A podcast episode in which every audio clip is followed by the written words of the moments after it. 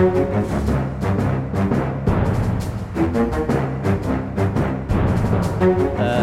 sånn, da er vi i gang med denne ukens Aftenpodden. Eh, Kjetil Alstheim er eh, frisk som en fisk, men ute i Europa. I fredelige strøk, må det sies. Men har vært i Brussel med Jonas Gahr Støre og Espen Barth Eide og en hel hva heter det, skokk gjeng av journalister. Og, og vært med der. Han skulle kanskje vært med fra et eh, tog eh, til uh, Schiphol. Men eh, det var litt mye lyd, så da, da er vi uh, oss selv i studio her. Sara Sørheim, god dag, god dag. Hallo, hallo, hallo. Og fra, inne fra fjellet, Trine Eilertsen, god dag, god dag. Ja, god morgen, god morgen. God morgen, god morgen. Uh, Vi, ja, takk, Trine, for at du har avbrutt eh, ferien din. Det setter Jeg har vel aldri begynt, Lars, hvis jeg skal være helt ærlig. Utsatt ferien. Uh, men, men det her, vi, vi er veldig eh, glad for å kunne debrife litt. og Derfor er jo på en måte stemningen kanskje bedre i studio enn den er i, i resten av verden. Uh, vi Ja. får jo understreke først at vi kommer ikke til å Altså, Vi er den type podkast, det må vi bare leve med, som ikke lar store verdensbegivenheter fullstendig overskygge norsk politikks små uh, dramaer. Så Ja. de kommer vi tilbake til.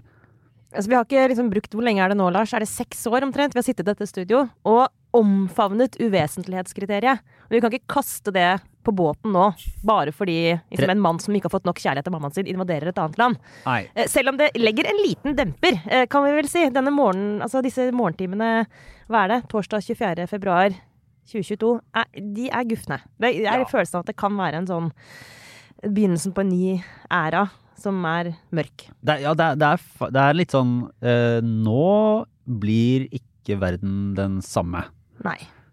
Så, så vi kommer vel heller ikke med noen sånn dypsindige analyser, men en liten sånn stemningsrapport og, og tanker. Er det det tredje verdenskrig, så- Trine? Jeg tror det, det, er litt, det er litt sjokk i dag, det må jeg si. For det er klart vi har fått alle mulige varsler. Det går an å tenke seg at dette skulle skje. eh, Men jeg tror nok alle har håpet på at det skulle ikke skje i siste øyeblikk. Så jeg tror ikke vi har helt ferdiganalysert konsekvensen av at det skjer. Eh, Og det store spørsmålet er jo nå, eh, blir Ukraina stående alene eh, i denne situasjonen, eller hva vil det si at resten av verden støtter Ukraina? Hvordan vil det materialisere seg? Det er jo det som er veldig spennende nå, det, og det avgjør jo størrelsen på, på konflikten. si Det er fascinerende å se, og kanskje fordi jeg har et grunnleggende litt sånn optimistisk sinnelag, men, men man vil jo på en måte ikke Altså Det har jo kommet etterretning om dette her. Det har vært snakk om, jeg ser amerikanske rapporter om at disse liksom planer skal ha ligget klare siden tidlig i, i høst uh, for en stor, storstilt invasjon fra, fra flere kanter. Og så vil man jo på en måte ikke tro, og, og diplomatiet lever jo med at man på en måte skal finne en, en løsning og en fredelig løsning og en vei ut. Uh, og man vil jo gjerne tenke at det er liksom den minst alvorlige utfallet hele veien. Og, og dermed så blir det jo litt sånn ekstra sjokkerende når, når det kanskje kan Når det oppleves som at eh, storpolitikken ikke er rasjonell og pragmatisk likevel. Mm. Eh, kanskje det er nettopp det den er, men at det, liksom, at det tas valg som er sånn Men dette er det vel egentlig ingen som vil ha. Nei, og det, det er jo litt det vi Altså det vi eh, tror alle kjenner på, det er at denne måten å på å si, gå inn i konflikt på, fremstår på en måte veldig gammeldags. Altså hva er det her for noe? Vet vi ikke at dette aldri kan føre noe godt med seg? Og kan prege oss i generasjoner. sant? Og så er det jo litt denne argumentasjonen og diskusjonen, hvis du ser på det diplomatiske sporet, så har handlet gått veldig mye mellom eh, Russland, Nato, USA, EU. Eh, Så handler litt om skal Ukraina eh, bli medlem av Nato. Alle vet at det kommer ikke til å skje i overskuelig fremtid, men Putin har likevel satt det på spissen nå. Fordi han har en sånn interessesfære-logikk bak som mange har sympati med. Men fremdeles, når det er det temaet, så er vi fremdeles inne i en sånn diplomatisk diskusjonsspor. Men når han nå på mandag hadde denne grusomme talen sin og begynner å snakke om at Ukraina egentlig aldri har vært et land, det er en del av Russland, Eh, og nå eh, er det bråk i Ukraina, så vi må inn og ordne opp i Øst-Ukraina og vel så det. Eh, og så går det et par dager, og så går de faktisk inn. Da er det jo, da er det jo en annen type problemstilling, sant, og mye, mye mer alvorlig. Jeg er litt spent på hva de som har vært eh, Altså det har vært liksom i debatten om eh, om Russland og, Putin over flere år, egentlig. Så er det, er jo to spor, da. Der er jeg liksom spent på reaksjonene fra, fra andre politikere og liksom samfunnsstrømninger. Det ene er jo fra, fra på en måte den klassiske liksom eh, Trump-høyresida, Trump eller Carl I. Hagen som vi har eh, her i Norge, som har hatt en slags sånn beundring for, for Putin og, og, Russland og en, en, argumentasjon på at vi liksom må akseptere at de tar, har tatt deler av Ukraina tidligere. Uh, at de på en måte har sin interessesfære, og at uh, hvorfor skal vi blande oss? Eller han er liksom en sterk leder som på et eller annet vis skal se litt sånn opp til. Uh, og den andre er jo den klassiske sånn venstresida, som, har, som har vært skeptiske til liksom Natos på liksom implisitte trusler om å nærme seg Russland. altså liksom Uh, og, og, og, som har lagt ja, så ja. Klassisk har lagt veldig mye skyld på, på uh, krigshissing fra USA og NATO ja. sin side. ikke sant? Ja, og at de må ta ansvar for å ha eskalert konflikten gjennom å sette ut bl.a. en del sant, type tropper og markere seg veldig i nabolandene rundt Russland. Mm. Men det er klart, det, eh, akkurat den, der, eh, den stemmen der, den har blitt litt stille på morgenkvisten. Ja, jeg lurer litt sånn Ingrid Fiskå hadde vel et eh, innlegg her for eh, noen uker siden der hun litt sånn snakket om eh, Russlands eh, måte slags, i hvert fall omtalt som en berettiget frykt da, og erfaring med, med liksom invasjoner fra, fra vest, med, med hentydninger tilbake til liksom, Nazi-Tyskland og sånn, at dermed hadde liksom grunnlag for å føle en defensiv holdning også overfor Nato. Og nå det kan jo argumenteres for og mot opp og ned, men nå har det i hvert fall vist en veldig offensiv holdning, da, som, som jo har vært påpekt fra, fra, andre kretser ganske lang tid. Så jeg lurer på om det kommer til å skje et sånn stemningsskifte også i den vestlige debatten om, om Russland, når man har sett at det er så dramatiske konsekvenser. Jeg merker i hvert fall reaksjonene fra egentlig hele venstresiden nå er jo en massiv fordømmelse av det som eh, Russland har gjort, sant, og det handler jo litt om at den som skyter først, kommer jo, kommer jo aldri godt ut av det. For det er liksom ikke så mange andre måter å forklare det på enn at du går inn og, og, inn og gjør noe du, du, egentlig ikke har blitt eh, provosert til å gjøre. Da. Men jeg må jo si, selv i denne saken her på morgenkvisten, så hadde jo du den gjengen så i en del tråder så rett og slett sier nei, ikke sikkert dette har skjedd. Har vi bevis? Sant? Så vi, vi har liksom den gjengen som fremdeles mener at alt er så manipulert, manipulert, og vi er i en sånn fake news-verden at du kan ikke stole på noen ting. Og sett fra et sånt medieståsted, så er jo det der Altså, det er jo en problemstilling på den måten at det flommer over med informasjon. Og vi, folk sitter på deskene nå i mediehusene i realtid og skal prøve å analysere hvordan skal vi få verifisert, få verifisert, få verifisert før vi tar det ut, da. Det er en kjempejobb. Og det, det, rare, helt, det rare, nå er at det, på samme tid som det kommer helt utrolig mange meldinger om informasjon, så er det også et informasjonsvakuum. Eh, og sånn, sånn, er det disse timene, helt sannsynligvis langt utover denne dagen. Så um, merker vi i NTB, vår jobb er jo å bringe verifiserte opplysninger, sant? og finne offisielle kilder. Og det, det, har man nesten ikke noe av per nå. Så da gjelder det å, å få tak i kilder som kan observere ting på bakken? Eh, men samtidig å få informasjon ut er krevende. Så det er, det er tvil om Det er ingen tvil om at dette skjer, men det er ikke så Det kommer til å ta litt tid før liksom, omfanget går opp for oss. Uh, rett og slett. Så det er sånn klassisk Det er fortsatt sånn i informasjonstidsalderen at propaganda og falske nyheter er fortsatt et, et kjempeutfordring i en sånn krigssituasjon, og det brukes aktivt fra begge parter for å forstyrre og for å skape misoppfatninger og for å sette skyld andre steder enn der den burde være, osv., osv. Så vi får se. Jeg, da, det, jeg tenkte det egentlig som en uh, obligatorisk refleksjon, men, uh, men uh, den passer veldig godt inn her. fordi jeg vil jo anbefale da Egentlig jeg skal, skal legge noen lenker i nyhetsbrevet vårt, men, men det finnes jo en del altså både nyhets, altså måte, organisasjoner som, som, driver med en sånn altså informasjonsinnhenting og analyse nettopp og verifisering av typ, bilder, informasjon, videoer som kommer fra disse krigsområdene. og det er veldig altså, forstå meg rett, gøy og interessant å, å se hvordan de jobber og hvordan de kan kan på en måte se på et bilde fra det som skal være en eksplosjon et eller annet sted i Ukraina, og så kobler de en bakgrunns, altså en, liksom en, en mast i bakgrunnen til et annet sted, et helt annet sted i verden eller et annet tid, eller finner et klokkeslett, um, som, som, gjøres en, en, god innsats for å liksom rydde opp i dette her, da. Men det er jo enormt tidkrevende fordi det jo faktisk tjener noens interesse å skape forvirring om mm. det som har skjedd. Uh, og, og det gjør det jo veldig vanskelig. Men jeg vet ikke helt om dette er en sånn klassisk god podkastbro. Uh, Bare prøv, du. jeg, jeg, prøver, er det ikke det man, det ikke det man gjør? Uh, for det vi er sikre på at har skjedd. Og, og, det som også handler om på en måte, territorier. Og nå beveger vi oss inn i den norske, norske debatten og sfæren igjen. da. Altså, du mener, Snakker du nå om den såkalte andedammen, Lars? Ja, altså jeg vet ja. ikke om dette egentlig teller som andedammen da, i, klassisk klassisk språk. For det, jeg tenker jo Altså Det er jo en form for reverseringshjørne, men, men, nå har de jo en interessant situasjon i Innlandet. Ja, jeg tror Eh, Innlandet faktisk er utenfor andedammen, Ja. rent geografisk. Ja, nettopp. Så, så det, de vil nok ikke ha seg omtalt på den måten. Men det er jo, altså gamle Oppland og gamle Hedmark uh, har blitt Innlandet. Uh, så har det vært en folkeavstemning uh, som var såkalt rådgivende. Og er vel, det er vel grunnlaget for, for kontroversene. For den gikk jo da inn med marginalt flertall for å løse opp dette storfylket. Altså storfylket storfylke ja, er ganske stort. uh, I sine gamle bestanddeler. Men Arbeiderpartiet gikk da mot den rådgivende uh, folkeavstemningen. Men også de med minst mulig margin. Men ja, ja, altså så er, her er det. Altså det er små marginer overalt. Uh, og dermed så, så består Innlandet. Mens det da denne uka også, i, i Fylkesnytt, som jeg Altså, at det her har blitt en, eh, har blitt en brei podkast, det, det, det, er mer enn jeg klarer å fatte. Jeg, jeg skjønner ikke.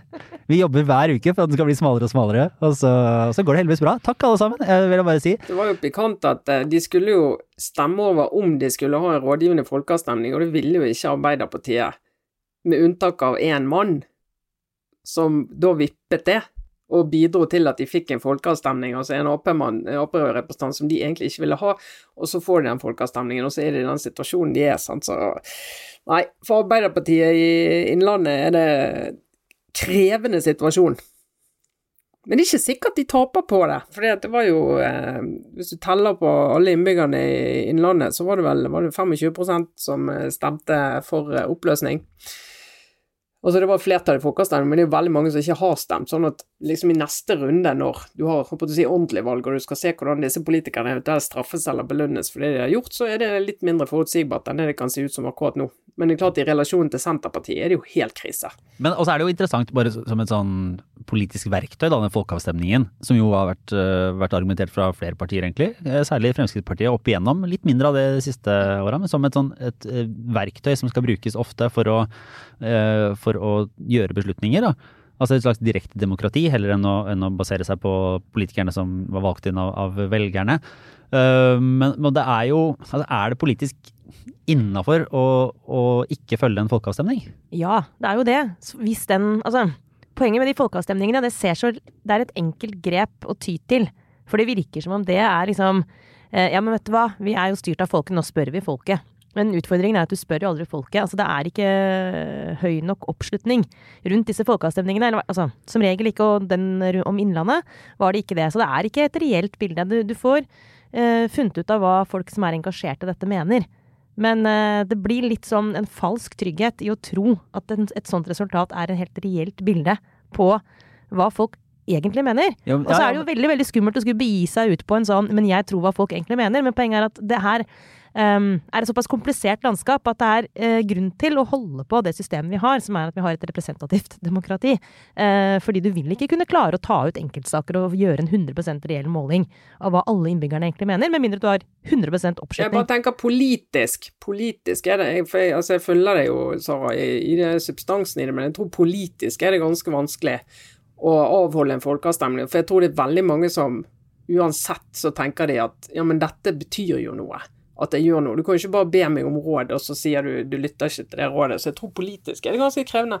Og det tror vi kommer til å få se i neste runde. sant? Altså oppløsningen av Viken eh, annet, og kanskje Finnmark og Troms, eh, gjør jo at du har kommuner som nå har lyst til å bytte fylke.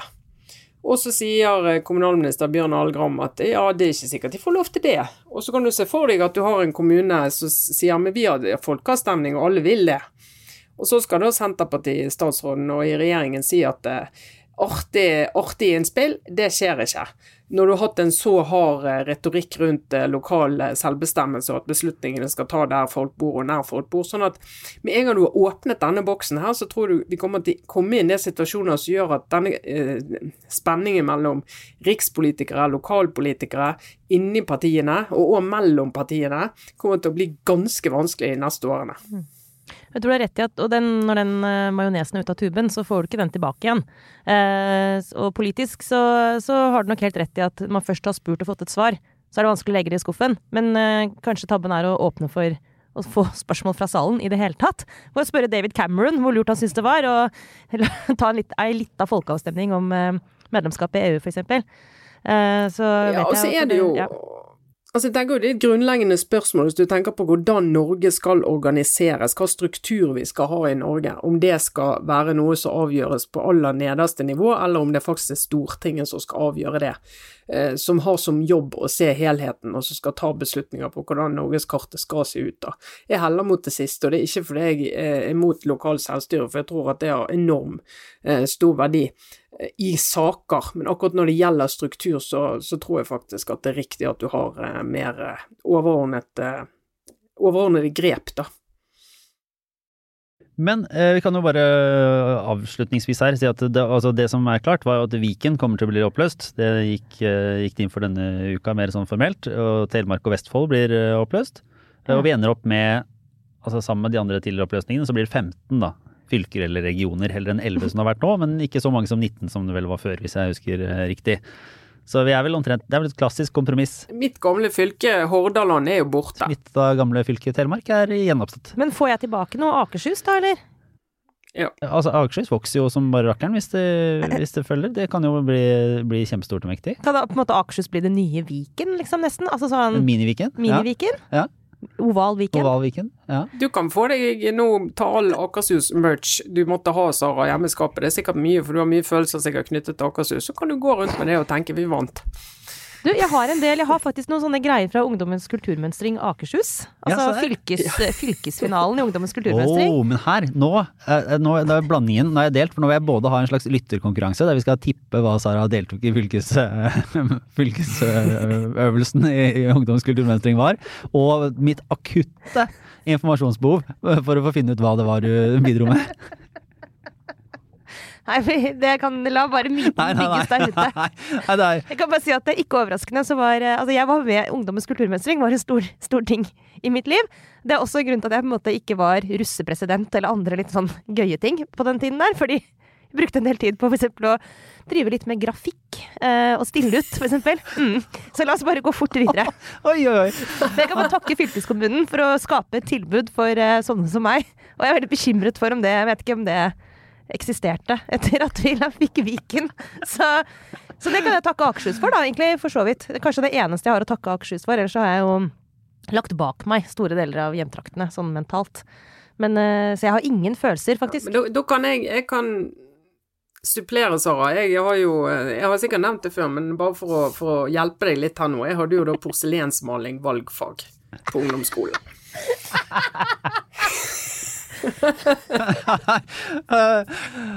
ok, Før vi går videre til ukas faktisk store sak, har du eh, noe igjen av det porselenet, Trine? Finnes det noe porselen malt ja. av Trine Eriksen? Ja, det, det, har jeg. Jeg har blant annet et navneskilt med, der det står Trine, så jeg har det på rommet mitt, i sånne litt sånn gotiske bokstaver. Ganske fint, vil jeg si. Og med noen fine grønne blader rundt. Mm. Jeg er spent på om det er nok til at vi kan, kan eh, lodde det ut på en livesending. Ja, ja det, det, tror jeg faktisk uh, Skal vi se, ja, dette mener jeg er jo har enormt stor kulturhistorisk verdi. ja, ja det, dette får vi komme tilbake til. Men, uh, men det, altså, det, gjorde, ja, hva skal jeg si, det gjorde en mørk dag mye bedre, uh, for min del. Ja. men fordi vi må jo videre til det som sies å være Altså, nå er vi, nå er vi inne i andedammen, da. Ja, ja, bare innrøm det med en gang. Dette er navlebeskuende. Verken, ja. verken uh, Ukraina, Innlandet uh, eller andre store steder. Nå er vi uh, plassert i andedammen. fordi altså Arbeiderpartiets nestleder, arbeidsminister Hadia Tajik, har vært i det som man klisjémessig kaller hardt vær denne uka. Det er liksom todelt, dette her, da. For det ene delen, og det her har ikke vært helt enkelt for alle si for noen og enhver å følge, egentlig, eh, har jo vært den, en, en, konflikt som uh, har vært med i Aftenposten. Uh, med bakgrunn i en sak som, som vår avis har laget, der du har vært en del, Trine. Så det er noe så. Og så har det vært en VG-sak som også har skapt bølger. Men vi må jo først inn i, i Vi går til oss selv først. Um, fordi det har vært en, var en interessant sak og, og, ganske høy temperatur i det som Hadia Tajik omtalte som en presseskandale. Og hun, altså nå i, i full disclosure, håper jeg, all åpenhetens navn, hun inviterte seg jo også til Aftenpodden egentlig for å diskutere det her med deg, Trine. Det gjorde hun. Uh, på Facebook uh, i, løpet av helgen, jeg husker ikke akkurat om det var lørdag eller søndag, det var jo en uh, ganske hektisk helg, må jeg kunne si. så det var jo mye som skjedde Og på et tidspunkt så inviterte hun seg selv hit, og hun er jo ikke her i poden i dag. Og grunnen til det er jo at uh, litt av problemstillingen mellom oss har jo vært at uh, hun ikke har satt seg ned og latt seg intervjue av, av journalistene våre. Altså at vi har liksom fått snakket om og stilt alle de spørsmålene vi har lyst til å stille. og prøvd å få landet dette litt ordentlig. Så jeg tenker jo ja, jeg har en en podkast sammen med dere, men jeg er også redaktør i Aftenposten. Uh, og noe av det som jeg ønsker at kilder skal gjøre, det er at de faktisk forholder seg til journalistene våre og svarer på spørsmål der, og så kan de forholde seg til meg som redaktør uh, når det er nødvendig. Uh, men da gjør vi det på et egnet sted, og det er altså ikke i Aftenpodden, men det får vi begynne med enten én til én, og gjerne da etter at hun har snakket med journalistene våre. Mm. Så, så, rent bortsett fra at det kunne vært uh, interessant, åpenbart, å, høre med. Og vi skal ikke prosedere denne saken på noe vis her, men uh, det ville være uh, uryddig, og det har jo vært debatter i spalten og alt mulig rart. Men det er jo interessant, tror jeg, for, for oss og kanskje for lytterne, å høre litt sånn vurderinger i, i kjølvannet av dette her. og Eh, og kanskje, Trine, om det er noe vi ser at uh, vi kunne gjort annerledes, eller hvor vi på en måte analyserer at ting skar seg. fordi det er jo, det er jo på en måte en situasjon når en, når en nestleder i et parti og, og en statsråd på en måte havner i en sånn en, en relativt uh, aggressiv konflikt med en avis, så har det, det har jo ikke gått sånn som vi ønsker. Vi ønsker jo å presentere kritisk journalistikk på en måte som oppleves eller som, som blir ryddig både for leserne og for, for kildene. Ja, jeg må si altså dette er ikke noen sånn ønskesituasjon for verken Aftenposten eller meg eller for journalistene, og helt sikkert ikke for eh, Tajik heller. Eh, og når vi havner i en sånn situasjon, så er vi nødt til å analysere hva vi kunne gjort annerledes, og det mener jeg helt oppriktig at vi må. Eh, og da, når hun publiserer et innlegg seint fredag kveld med utgangspunkt i at hun er sikker på at vi skal publisere en sak, som hun er da veldig kritisk til omtrent samtidig, som da ikke ble publisert fordi saken var ikke ferdig, Eh, så må jo vi gå tilbake og se på eh, var det noe med kommunikasjonen vår som gjorde at hun hadde grunn til å tro det, og den har jo vi saumfart. Eh, og da tror jeg vi kommer inn i en, altså i en situasjon der vi ser at måten vi som redaksjonelle mennesker leser den kommunikasjonen på, er annerledes enn det som en stresset kilde leser det på. For altså, vi er jo veldig nøye med å ikke skrive For da har vi jo kun hatt skriftlig kommunikasjon med henne i denne fasen. Eh, og ikke skrive at nå publiserer vi, fordi at den publiseringsbeslutningen tas jo av en redaktør når vi regner en sak som ferdig. Vi kan ikke si at vi publiserer før, før hele arbeidet er gjort, så det er, det er veldig sånn selvfølgelig for oss. Eh, men for en kilde så kan f.eks. det når vi skriver eh, vi, vi, har ønsket, og vi prøvde virkelig flere ganger å få henne i tale gjennom halvannet døgn før alt dette skjedde. Eh, og når vi skriver at eh, hvis ikke du bidrar, eh, så må vi ferdigstille saken uten deg. Så i mitt hode er ferdigstille at saken er ferdig, men det betyr jo overhodet ikke at den er publisert.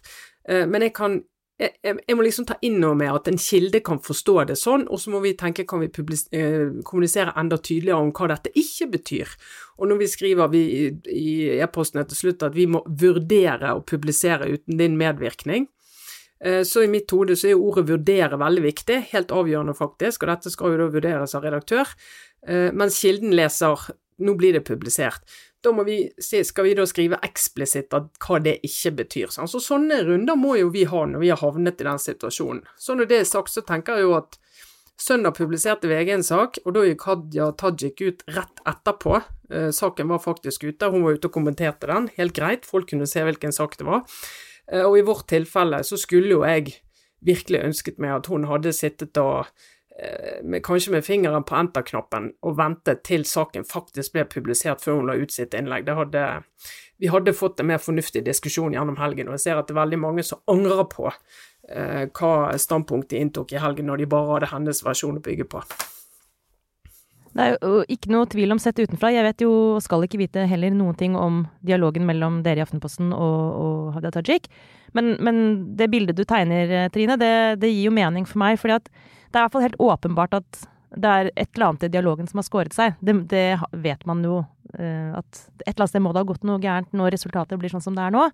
Og så er det bare partene som vet nøyaktig eh, kanskje akkurat hva som har skjedd, og hvor misforståelsen eventuelt har dukket opp osv. Men dette er et, et interessant eh, case, da, også på hvordan seriøse, store redaksjoner jobber med eh, det som heter eh, samtidig imøtegåelse, eller 414 i Vær varsom-plakaten, som jo egentlig kanskje er det aller viktigste punktet i presseetikken, som handler om at folk som får kritikk eller blir utsatt for eh, angrep eller noe annet eh, som kan ramme dem i pressen, skal få muligheten til å svare. Og da jeg begynte dette yrket, og jeg tror alle vi har vært borti eksempler på det, så var den litt sånn teknisk, den etterlevelsen av denne paragrafen i Vær varsom. Altså det var litt sånn det, altså, det var litt ritual. Liksom, ja. Man hadde kanskje en Altså, man ringte en kilde rett før en sak eh, skulle publiseres, og saken var egentlig ferdig, og så sa man sånn Du får muligheten til å svare, men du må svare nå. Ikke sant? Ja, og det er ikke egentlig liksom å gi en kilde reell mulighet til å komme med sin side av saken. Hvis du skal gjøre det, så må du begynne mye, mye tidligere og invitere kilden inn i hele sakskomplekset. Eh, så tidlig at kilden rekker på en måte å, å virkelig få brukt den tiden vedkommende trenger til å svare ordentlig, og at journalisten helt reelt også stiller seg åpen for at det kan være at saken endrer seg når man får en ny kilde til å gi sin versjon. ikke sant?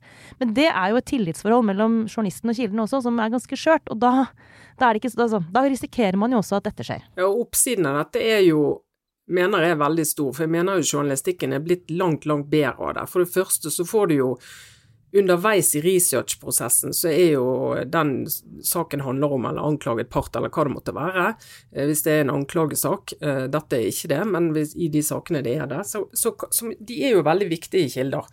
Og da bidrar de til å opplyse saken sant, når dette funker, sånn at du får mye mer fakta.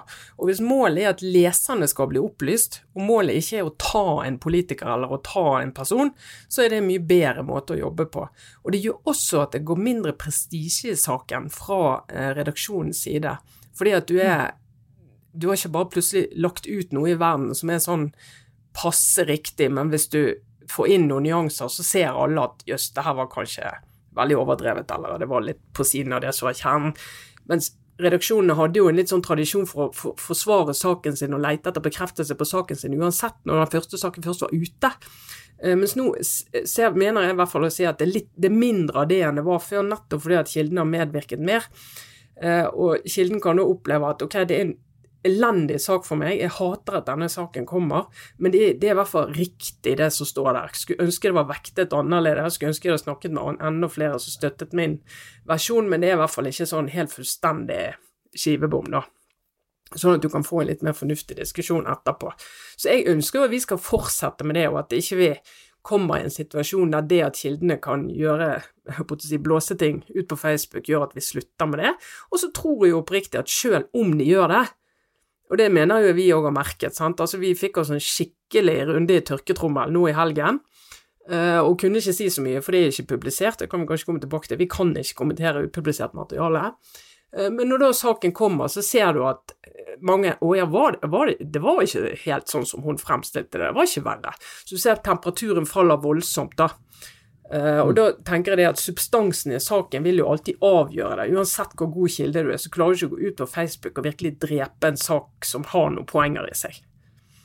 Men her er det jo litt sånn paradoksalt da, at, at det som uh, Hadia Tajik Og hun er jo uenig i premisser i den saken og har debattert uh, om det i, i, spaltene våre. Så, så jeg oppfordrer jo lyttere til å lese hennes argumenter og tanker der, altså for å, for å få den helheten i, i i debatten. Men, men, det er jo paradoksalt at den saken som Aftenposten publiserte, var vel heller ikke fra, eh, fra vårt, vår redaksjons side, jeg har ikke vært involvert i den, tenkt på som en på en måte stor skandale. Eh, eh, altså, I kategorien sånn en kjempestor avsløring. Det er mer en, en, en nyanse eller en, en, del av et stort kompleks som vi har dekka over, uh, over mange måneder.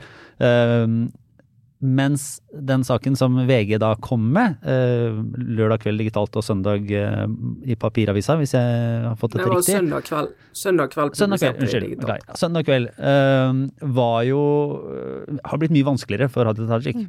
Og det er, et helt, helt uh, uoversiktlig sakskompleks, dette her. fordi at hennes veldig sterke reaksjon uh, kom på en sak som også, sånn sett utenfra, er en, det er, det er en helt interessant, nest, men nesten en slags sånn løypemelding, som vi kaller det, i dette pendlerboligkomplekset.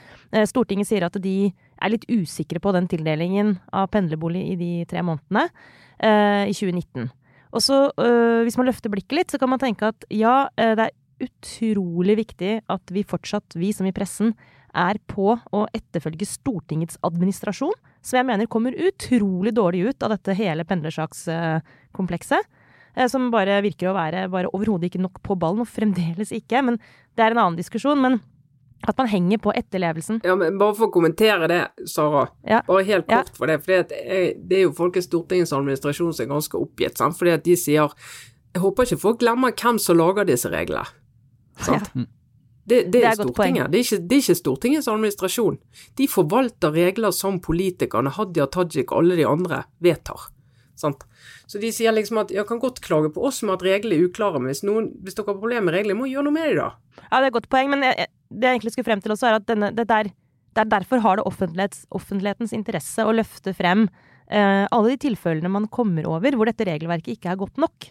Og det mener jeg denne saken til Aftenposten belyser. Ja, og vise frem når representanter driver med egentlig sin egen saksbehandling og vurdering av egne behov, sant. Så det er litt sånn, ja greit, det kan godt være legitime behov, men hvem er det som skal vurdere dette? Det kan jo ikke være den enkelte representant. Veldig godt poeng. Eh, men det, når man ser på hvor alvorlige saker blir for enkeltpolitikere, så tenker jeg at det, det som måtte skille litt der, det er jo om man har avdekket et dårlig regelverk, eller upresist regelverk, eh, som er, er en viktig ting, men som er liksom én diskusjon. Og så er det over i det som handler om om man som eh, politiker har beriket seg mer eller mindre bevisst gjennom å enten utnytte et regelverk, eller til og med bryte eh, et regelverk. sant? Og det er det som gjør den saken i VG så veldig mye mer alvorlig. Det er at der er det snakk om en stor pengesum som muligens eh, skulle vært eh, gått til skattemyndighetene, som ikke har gjort det, i Tajik, eh, Tajik sitt tilfelle. Så får vi ta alle mulige forbehold osv. her. Altså hun hevder at hun hadde rett på den pendlerboligen, men at hun ikke har dokumentert osv. Det er fortsatt mange ubesvarte spørsmål. Men sånn, hvis man diskuterer nyhetsverdi, så er det klart at det, her er det snakk om store pengesummer og en mulig eh, berikelse personlig. Og da er det over et landskap som er veldig alvorlig eh, for f.eks. av en statsråd som sitter i en sånn eh, tillitsposisjon, hvor eh, du A selvfølgelig skal følge regelverket, men B hvor du også sitter litt eh, i en situasjon hvor det hjelper egentlig ikke at en sak er teknisk sett foreldet, hvis det avdekkes forhold som gjør at, eh, at du mister tillit.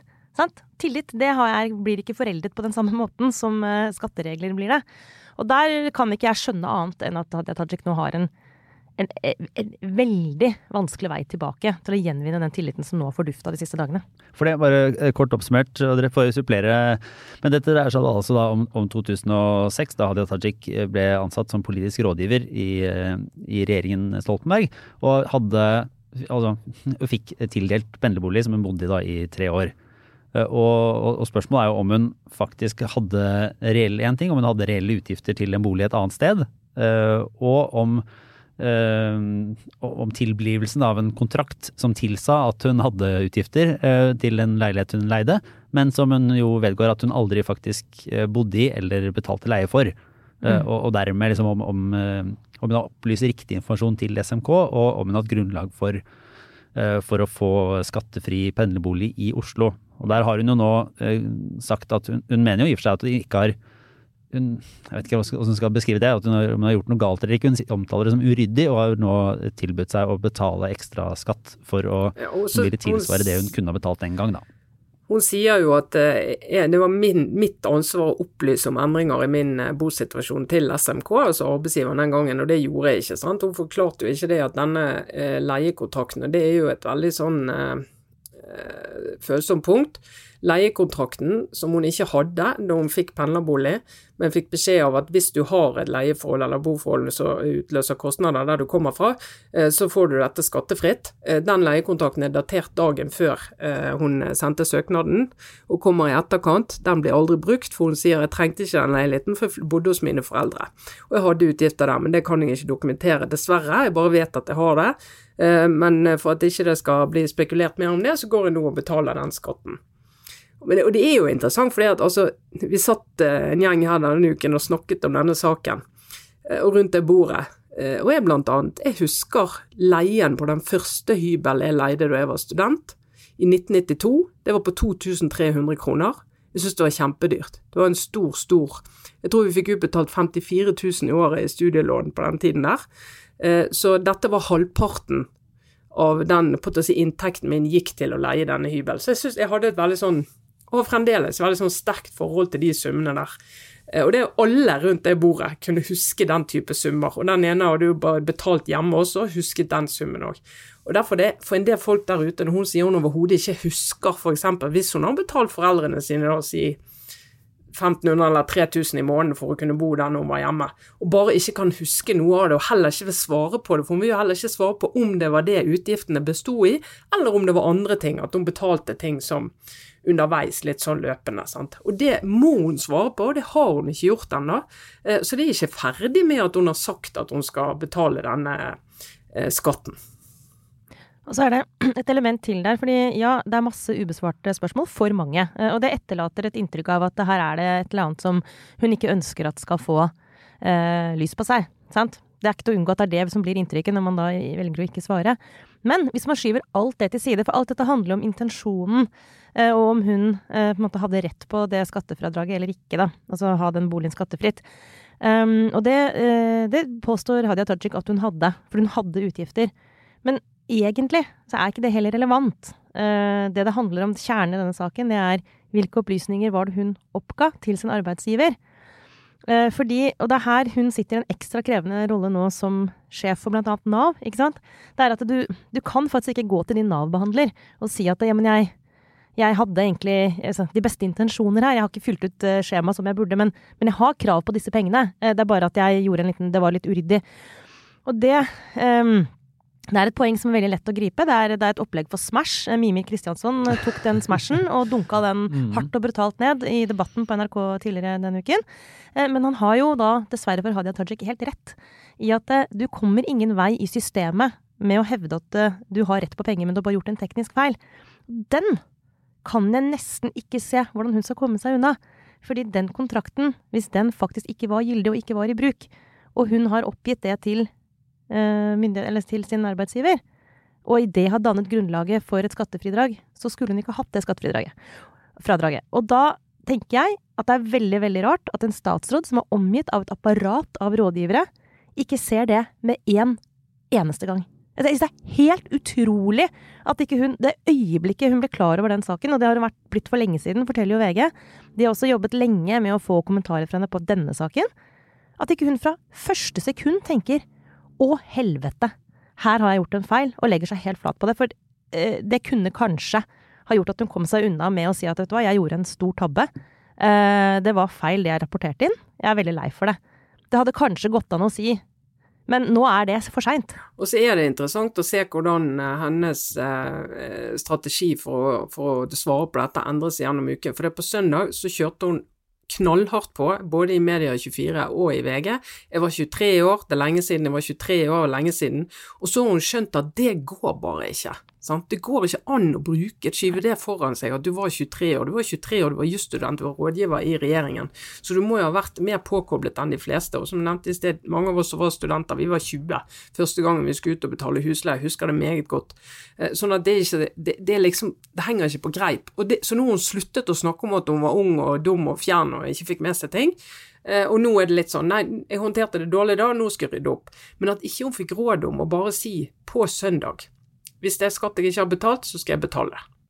Det er ikke noe å snakke om. Ikke noe å diskutere. Støre han har jo mye å holde i for tiden, men det er klart at um, jeg tror ikke man kommer unna nå at han må gjøre en vurdering på om det um, I hvilken grad uh, Tajik som statsråd nå bidrar positivt eller negativt til, til liksom regjeringens samlede oppslutning òg. Det er klart at det blir, må jo bli en vurdering. Hun er jo fram til nå den lysende stjernen i dette litt sånn, hva skal vi si Ellers Broket, Den litt brokete forsamlingen. Klaggelaget. Ja. Så, så, hvordan liksom den vurderingen blir fremover, om det er sånn at hun f.eks. skulle ha altså, Jeg har sett noen har spekulert i om hun burde bytte område, om det kunne vært en løsning. Men det er klart det vil være en så sterk mistillit at det kanskje vil være ja, det er litt vanskelig å se det for seg også. Eh, eller om det kan komme ting frem her nå som gjør at saken endrer litt karakter. Det kan jo hende. Men liksom, jeg tror ikke vi kommer unna at det, det er en situasjon nå hvor hennes rolle som Eller hennes muligheter til å fortsette som statsråd for eh, det departementet hun leder, eh, det, det, de er litt Altså, ja. Det er litt spent på om det går. Om hun, om hun vil få det til. Altså Dynamikken i disse sakene er jo litt sånn at eh, det som skjer fremover nå, avhenger jo òg av politikernes posisjon i eget parti. Og da er det veldig interessant å se to observasjoner. ene på mandag, eh, nei, på tirsdag så var det debatten i NRK. Der var både jeg og Gahr Steire og et par til. Hun var jo invitert, eh, kom ikke, kunne ikke komme. Eh, og de hadde ringt hele stortingsgruppen til Arbeiderpartiet, og ingen syntes det var naturlig å stille opp og på noen måte forsvare Tajik i den sammenhengen. Så det var ingen som snakket for hun der. Eh, det andre er at Stavanger Aftenblad har ringt rundt til Ap-folk i Rogaland, altså hennes hjemfylke, og spurt etter lett etter støtteerklæringer. De kommer ikke. Sant? Så akkurat nå står det og dirrer litt sånn Hvor er partiet henne nå? Og det blir veldig spennende å følge de neste dagene, hen partiet. For én ting er jo hva vi, alle vi på utsiden måtte mene om det, men det folk i Arbeiderpartiet mener er jo faktisk helt avgjørende viktig òg. Og i Trøndelag ja, så ser du òg at folk går ut og sier altså dette var eh, nestlederen som gikk ut og skrev at hun som jurist eh, vurderte anklagene mot Giske som veldig alvorlig, og det var jo en bombe inn i den eh, saken på den tiden der, og nå er det litt sånn Hun som vurderte det på den måten der, hvordan vurderer hun nå sin egen posisjon? Som jurist eller politiker eller hva det måtte være. Ja, det, der er det jo allerede Det er jo, det er jo som veldig mye annet i Arbeiderpartiet, er interessant å trekke inn eh, forhistorien og, og den, de frontene som, som var. Eh, Trond Giske måtte gå som nestleder, og, og det, altså, av ulike grunner ble fronter mellom Trøndelag og delvis Oslo og Trond Giske og Hadia Tajik. Eh, og at det er noen nå som i hvert fall ikke står på barrikadene for å forsvare det, og heller driver og, og, og spør seg om dette kan holde. Men jeg tror vi kommer eh, videre tilbake til dette når, eh, når det utspiller seg videre og, og, vi er i gang igjen neste uke. Ja, og når vi vet hva Senterpartiet og SV har å si. Ikke minst. For det er også interessant at det vet vi foreløpig ikke. Hva, hva er Audun Lysbakken, som i sin tid gikk av som statsråd på, på, en, på en relativt streng vurdering av sin egen, sitt eget trøbbel, Uh, hvordan han ser på, ser på dette. Yes. Men uh, vi går en kjapp runde på obligatorisk refleksjon. Jeg vet ikke om du begynner, Trine?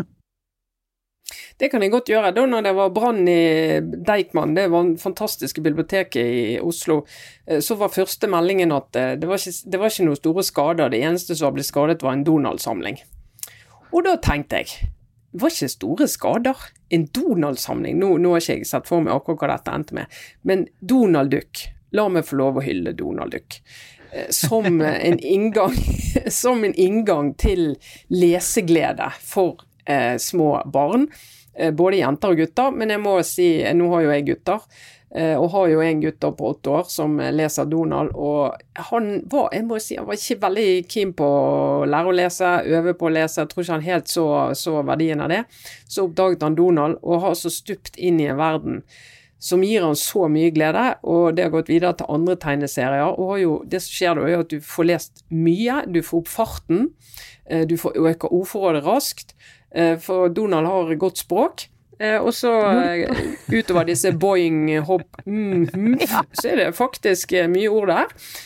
Og ikke minst det der at du lærer deg å gå inn i en historie, og dette gjør jo noe med interessen for å lese alt mulig. Så det er en fantastisk sånn trinn inn i lesing. Så la meg bare hylle Donald Duck eh, som vi har nå fått Donald fra ja, et par tiår tilbake av venner og kjente, så flyter av Donald i hele huset. Halvåpne, halvleste dunger med Donald, og det tenker jeg det skal det få lov å gjøre. Eh, og så eh, skal vi bare eh, si eh, ingen må snakke stygt om Donald. Det er det ikke noen som har gjort, altså. Ingen må snakke stygt om tegneserier som inngang til, ja. inngang til leseglede. For at inngangen Det er akkurat som i breddeidretten inngangen til å lese må være så brei som overhodet mulig. Altså jeg kan si For min egen del, som motvekt mot eh, liksom, mye tid brukt på ungdommens kulturmønstring, så akkurat som din sønn Trine, inngangen min til å bli glad i å lese, det var eh, Donald, og så var det Asterix, og så var det de bøkene om uh, frøken Detektiv jeg, begynte, jeg begynte med Bobsy-barn, og dette er jo så nerdete. Første hele setningen jeg klarte å lese, var jo en bildetekst i Bergens Tidendes fullformatavis. så det var jo Og din skjebne var med det for seg litt. Brand, ja. Så gikk jeg videre til, til Fantomet og Donald og Nancy Drew, selvfølgelig, og Bobsy og alt sammen. Så man må, må bare, bare, få opp lesegleden, og det er så viktig. Ja, det er godt. Åssen er det med deg, Sara? Har du en uh, OR denne uka? jeg, egentlig, jeg, altså, jeg, trenger egentlig litt hjelp fra våre kloke lesere. Jeg har en OR, men jeg har den ikke. Altså, den er kun emosjonell. Ja. Så jeg sliter litt med å oppfylle annet Trines krav til at man må ha et eh, slags rasjonelt bakgrunn for, for meningene sine. For rent emosjonelt så har jeg bare fått med meg at og Nå er vi i Oslo her, men det er jo for så vidt relevant også fordi det handler om kvinnehelse. Uh, og barselomsorg. Men altså det som heter ABC-klinikken på Ullevål, det er en fødselsklinikk hvor du føder liksom, uten smertestillende og med jordmødre i førersetet. den skal nå legges ned. Den ABC-klinikken, det tilbudet til fødende mødre, skal legges ned. Og jeg kjenner at jeg bare jeg, jeg, er så imot det. For jeg fødte mitt andre barn der høyst motvillig. Det må bare sies. Det var fullt i herberget. Og eh, det var eneste stedet jeg fikk plass. Jeg ble skyfla opp dit. Og jeg var sånn Jeg har ikke tenkt å føde uten smertestillende, takk. Men det gjorde jeg, og det skal jeg ikke gå inn i her. Men eh, det gikk veldig fint. Eh, og det var en eh, radikalt annen opplevelse enn det jeg hadde første gangen når jeg fødte på et vanlig, vanlig, sånn, vanlig fødested. Men eh, jeg skjønner ikke hvorfor denne klinikken skal legges ned. Uh, og jeg sitter på Facebook og ser at det kommer den ene meldingen etter den andre. Men folk i min omgangskrets og også grupper jeg følger, med en underskriftskampanje. Og som journalist så skal man være ekstremt forsiktig med å skrive under på noe som helst. Uh, så det sitter i ryggmargen min. Jeg har ikke skrevet under på den kampanjen, men jeg må på en måte sitte på hendene mine, for jeg har så lyst til å gjøre det, for det føles så feil. Så egentlig det jeg ber om nå, er kan noen opplyse meg oh, rasjonelt uh, hvorfor er det riktig å legge ned dette tilbudet, som er et helt fantastisk tilbud til her, fødende kvinner. Altså, er, er, det her, Mike Q, det, er, det, her, jeg synes det, er, det her er veldig, veldig bra. En, en ting så tror jeg, etter det jeg har fått med meg, så har også hatt litt uh, tilknytning til ABC-klinikken i de senere tider. Kan man si. Ja. Men uh, jeg, jeg, tror argumentasjonen er at uh, kvalitetene og det særegne ved ABC-klinikken nå skal på en måte Uh, gis plass og tilbys i det nye tilbudet som skal være bedre. Ja. Uh, uh, men det er nå den lille rasjonaliteten i akkurat det spørsmålet. Det jeg syns er fascinerende her, er at du nå har blitt en klassisk somewhere. En, altså anywhere. Sara Sørheim har nå blitt fanga i det som jeg mener er helt veldig menneskelig og på en måte rasjonelt. Ja.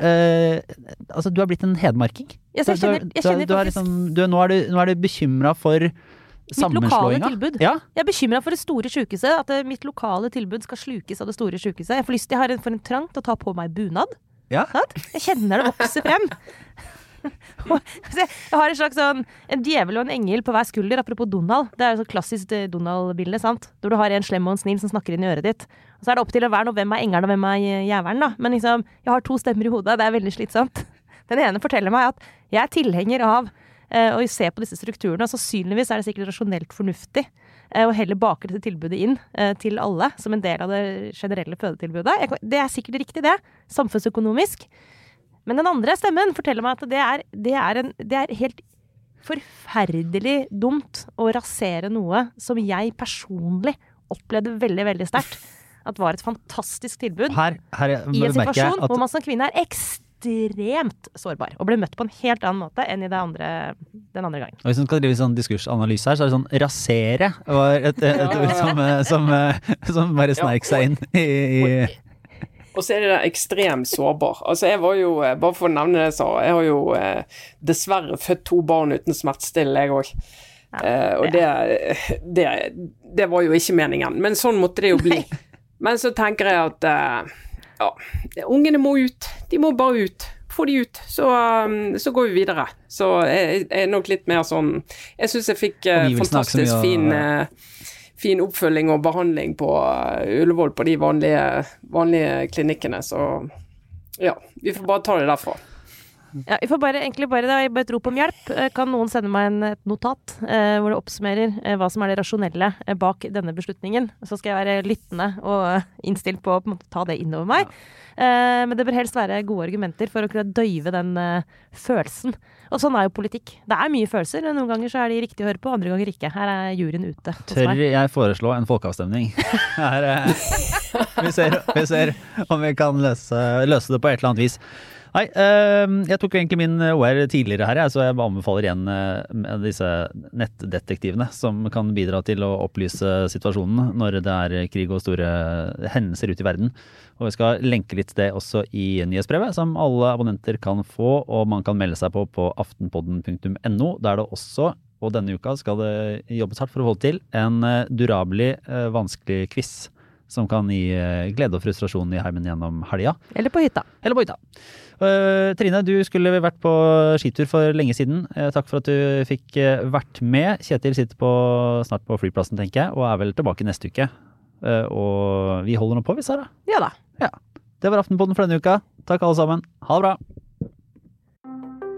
Mitt navn er Oda Weide Krogh, og i podkasten Vi må snakke om skal jeg, sammen med samlivsekspert Frode Tuen, forsøke å gi deg og partneren din gode råd og verktøy for å manøvrere litt stødigere gjennom hverdagen og samlivet deres.